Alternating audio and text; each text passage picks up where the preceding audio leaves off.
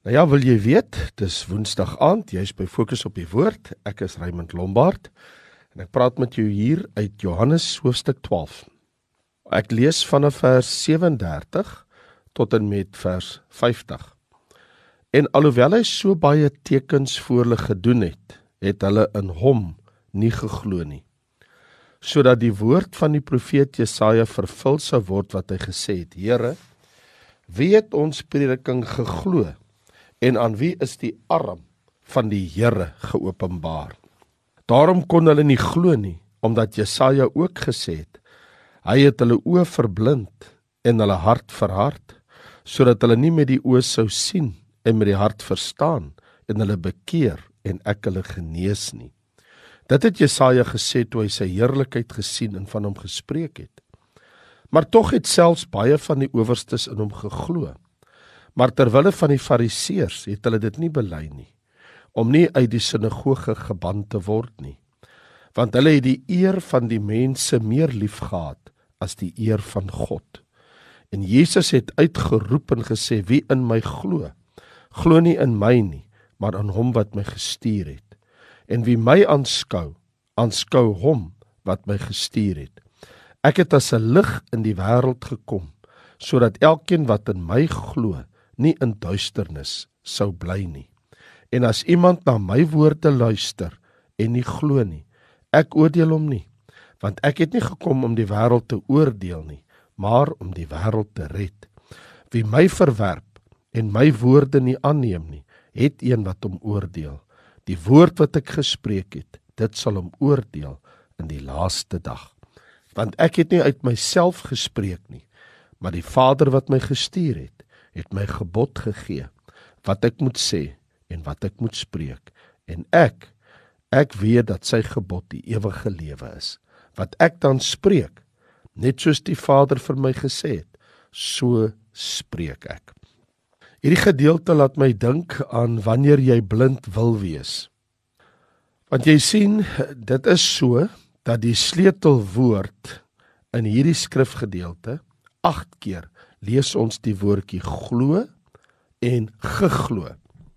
En Johannes verduidelik dat ongeloof van die mense dat hulle wil nie glo nie.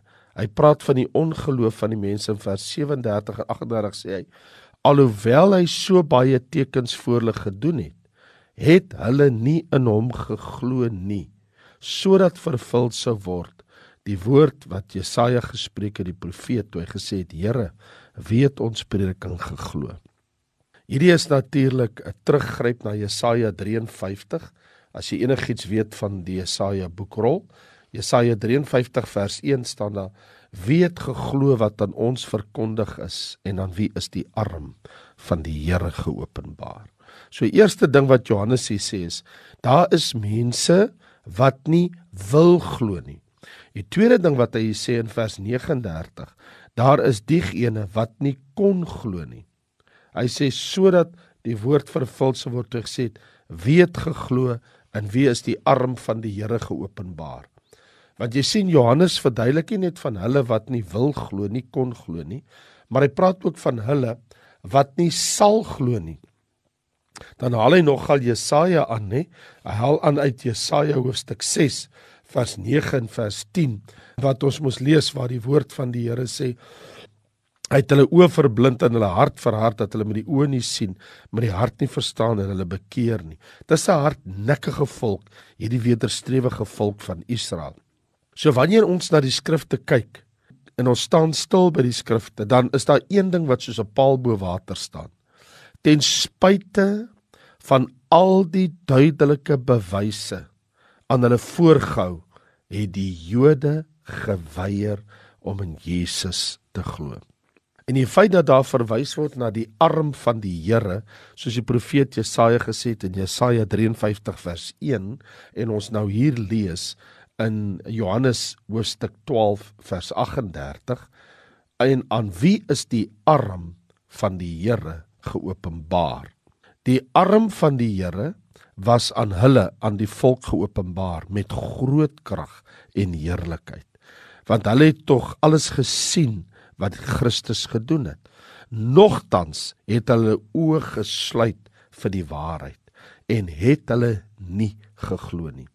Daarom sê vers 40 vir ons en hy het hulle oë verblind en hulle hart verhard sodat met die oë sou sien en met die hart verstaan en hulle bekeer en ek hulle genees.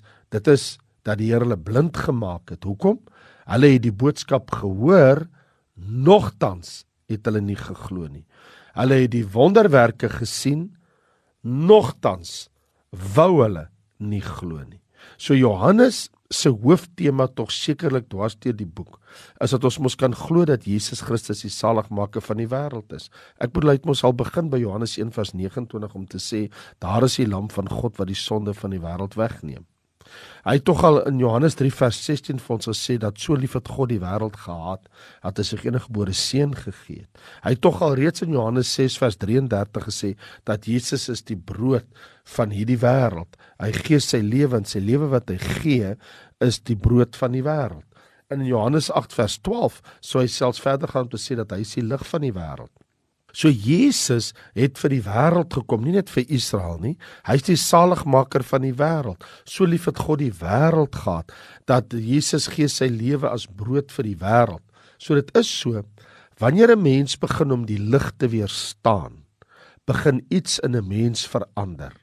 En hy beland uiteindelik op die plek waar hy nie meer kan glo nie. Dis hoekom ek sê dis baie duidelik uit hierdie skrifgedeeltheid dat daar mense is wat blind is wanneer jy blind is. Dit is wanneer jy nie wil sien nie.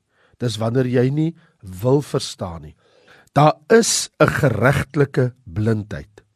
Dit is dat God laat toe dat mense se oë en hart wanneer hulle die waarheid nie ernstig opneem nie, dan is daar 'n blindheid wat God toelaat soos ons nou gesien het in Jesaja 6 vers 9 en 10 waar die Here toelaat dat hulle blind is. Hulle sal met die oë sien en nie sien nie met die ore hoor en nie hoor nie.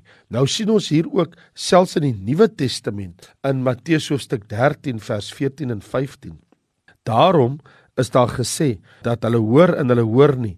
Hulle sien en hulle sien nie En so is vervul wat Jesaja gesê het: "Met die gehoor sal julle hoor en nie verstaan nie. Julle sal kyk en glad nie sien nie, want die hart van hierdie volk het stomp geword. Met die ore het hulle beswaarlik gehoor. Hulle oë het hulle toegesluit sodat hulle nie met hulle oë sou sien nie en met die ore hoor en met die hart verstaan en hulle bekeer en ek hulle genees." Dis kom ek vir jou sê wanneer jy blind wil wees. Jy weet Paulus borduur ook daaroor in Romeine hoofstuk 11 vers 8 wanneer hy hierdie woorde gebruik wanneer hy preek, dan sê hy Dawid sê God het hulle 'n gees gegee van diepe slaap, oë om nie te sien nie, ore om nie te hoor nie tot vandag toe. So dis 'n baie ernstige ding. Is 'n baie ernstige ding om God se geopenbaarde waarhede ligtelik te hanteer. In ander woorde, 'n mens kan verseker die geleentheid mis om gered te word. Dit is moontlik dat jy die geleentheid kan verpas. Jesaja 55 vers 6 sê die woord: Soek die Here terwyl hy nog te finde is. Roep hom aan terwyl hy nog naby is. Jy sal onthou van die gelykenis van die saaier in Matteus hoofstuk 13 waar ons lees en 'n saad het uitgaan om te saai en 'n deel het langs die pad geval en die voëls het gekom en dit opgeëet is Jesus se verklaring vir hierdie gelykenis in vers 19 Matteus 13 as iemand die woord van die koninkryk hoor en nie verstaan nie kom die bose en roof wat in sy hart gesaai is.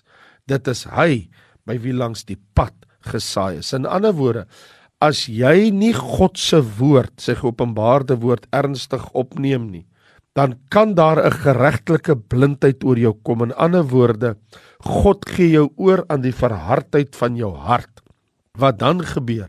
Die woord wat by jou gesaai is, dat die voëls van die hemel, die bose, die duiwel kom en hy neem dit weg voordat die woord. Jesus sê dit is maar soos as 'n saaier loop en hy saai en 'n deel val langs die pad op die harde grond en dit het nie in die vrugbare aarde geval nie, dan sit net soos wanneer jy saad gooi en die voëls kom pik dit op voordat dit in die grond gesaai is, voordat dit geplant is, word dit weggeneem. En wat die Here sê is die geleentheid om gered te kan word kan ook van jou weggeneem word. Ons sien in ons skrifgedeelte hier's drie uitstaande aangrypende verklaringe deur Johannes. 1. Daar is blinde ongeloof. 2. Daar's die lafaardse geloof en 3. Daar kom 'n onvermydelike oordeel. Ten eerste, daar is blinde ongeloof. Dit is ons teks wys dit mos wat ons mos gelees het dat dit kom oor hulle dat die profeet sê hulle sal sê Here wie het ons prediking geglo en wie se arm van die Here geopenbaar? Daarom kon hulle nie glo nie want Jesaja sê hy het hulle oë verblind en het hulle harte het hy verhard want hulle wou nie glo nie. Dit is hulle na wie ons mos nou net gekyk het. Dit is blinde ongeloof. Dit beteken al sien jy die waarheid al weet jy dis die waarheid hou jy jou blind en jy wil dit nie erken vir wat dit is nie. Maar dan het jy ook die lafaard se geloof. Want hier sien ons in vers 42, tog het selfs baie van die owerstes in hom geglo. Maar ter wille van die fariseërs het hulle dit nie bely nie om nie uit die sinagoge geban te word nie, want hulle het die eer van die mense meer liefgehad as die eer van God. So wat ons hier sien is ja, daar is mense wat in Jesus geglo het, maar hulle het dit nie openlik bely nie. Hulle was geheime disippels. Wel, ek en jy ken twee van hulle in die Bybel by wyse van wat ons gelees het. Nikodemus en ook Josef van Arimatea. En dit is mos hulle wat Jesus se liggaam van die kruis gaan afhaal het en hom 'n ordentlike begrafnis gegee het.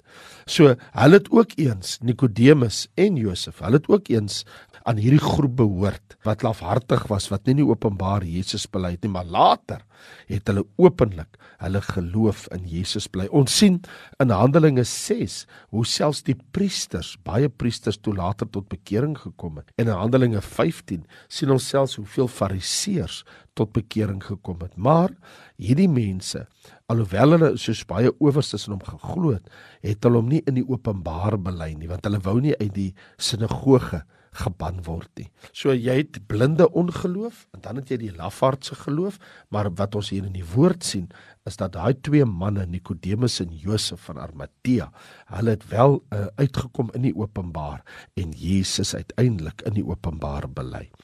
Maar dan is daar die onvermydelike oordeel. En dit is iets baie ernstig wat moet opgeneem word. En dit is vers 37 en 38 sê: En as iemand na my woorde luister en nie glo nie, ek oordeel hom nie, want ek het nie gekom om die wêreld te oordeel nie, maar om die wêreld te red.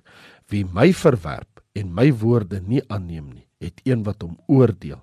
Die woord wat ek gespreek het, dit sal hom oordeel in die laaste dag. So daar kom 'n onvermydelike oordeel in die laaste dag.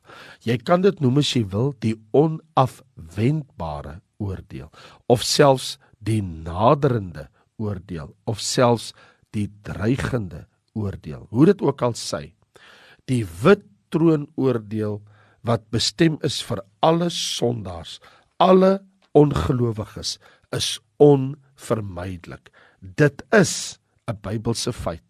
Dis 'n geweldige gedagte om te dink dat die ongelowige tydens die oordeel in die laaste dag dis by die wit troon geoordeel sal word te wete elke stukkie skrif Bybelteks woord van die Here wat hy ooit gelees of gehoor het. Dis wat Jesus hier sê hy sê ek is nie hier om die wêreld nou te oordeel nie hy sê ek spreek die woord hy sê en die woord wat ek gespreek het sal hom oordeel in die laaste dag in ander woorde die woord wat jy verwerp word jou regter. Die woord wat hulle verwerp het, sal eendag hulle regter wees. Hoekom so? Omrede die geskrewe woord wys na die lewende woord, Jesus Christus. So ek en jy het hier die geskrewe woord. Maak oop jou Bybel. by Matteus, Markus, Lukas, Johannes. Lees die woord. En soos jy die geskrewe woord lees, wys dit jou die lewende woord Jesus Christus. In die woordjie om te oordeel verskyn in die twee tekste vers 47 en 48 vier keer.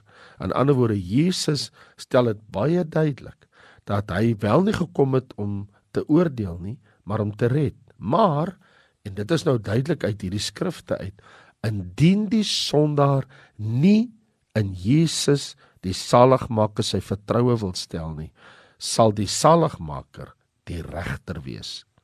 Ek dink dit is beter om die Here te vrees in hemel toe te gaan as om mense te vrees in hel toe te gaan. Jy sien, Jesus se allerlaaste boodskap aan die mense voor sy kruisiging kom nou hier uit.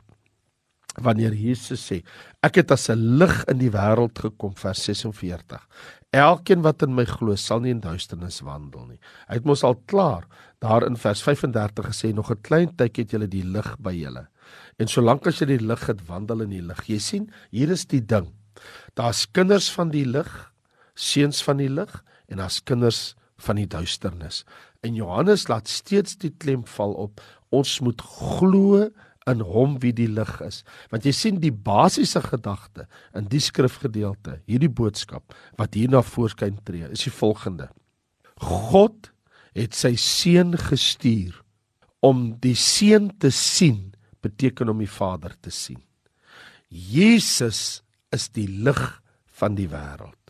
Sy woorde is die absolute woorde van God die Vader.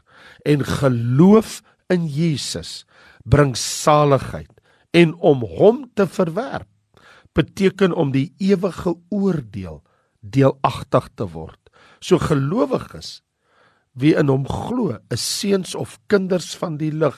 Jesus is die lig van elke kind van God. So die doelwit van elke lighuis is tog redding. Ek het 'n tyd gelede het ek gaan vas en bid daar by Kapo Gallas en uh, net so klein entjie van my af so 'n paar honderd meter was 'n lighuis. En ek het gesien as die lig so draai in die nag dan waarsku hy die skepe. Want wat is die doel van 'n lighuis?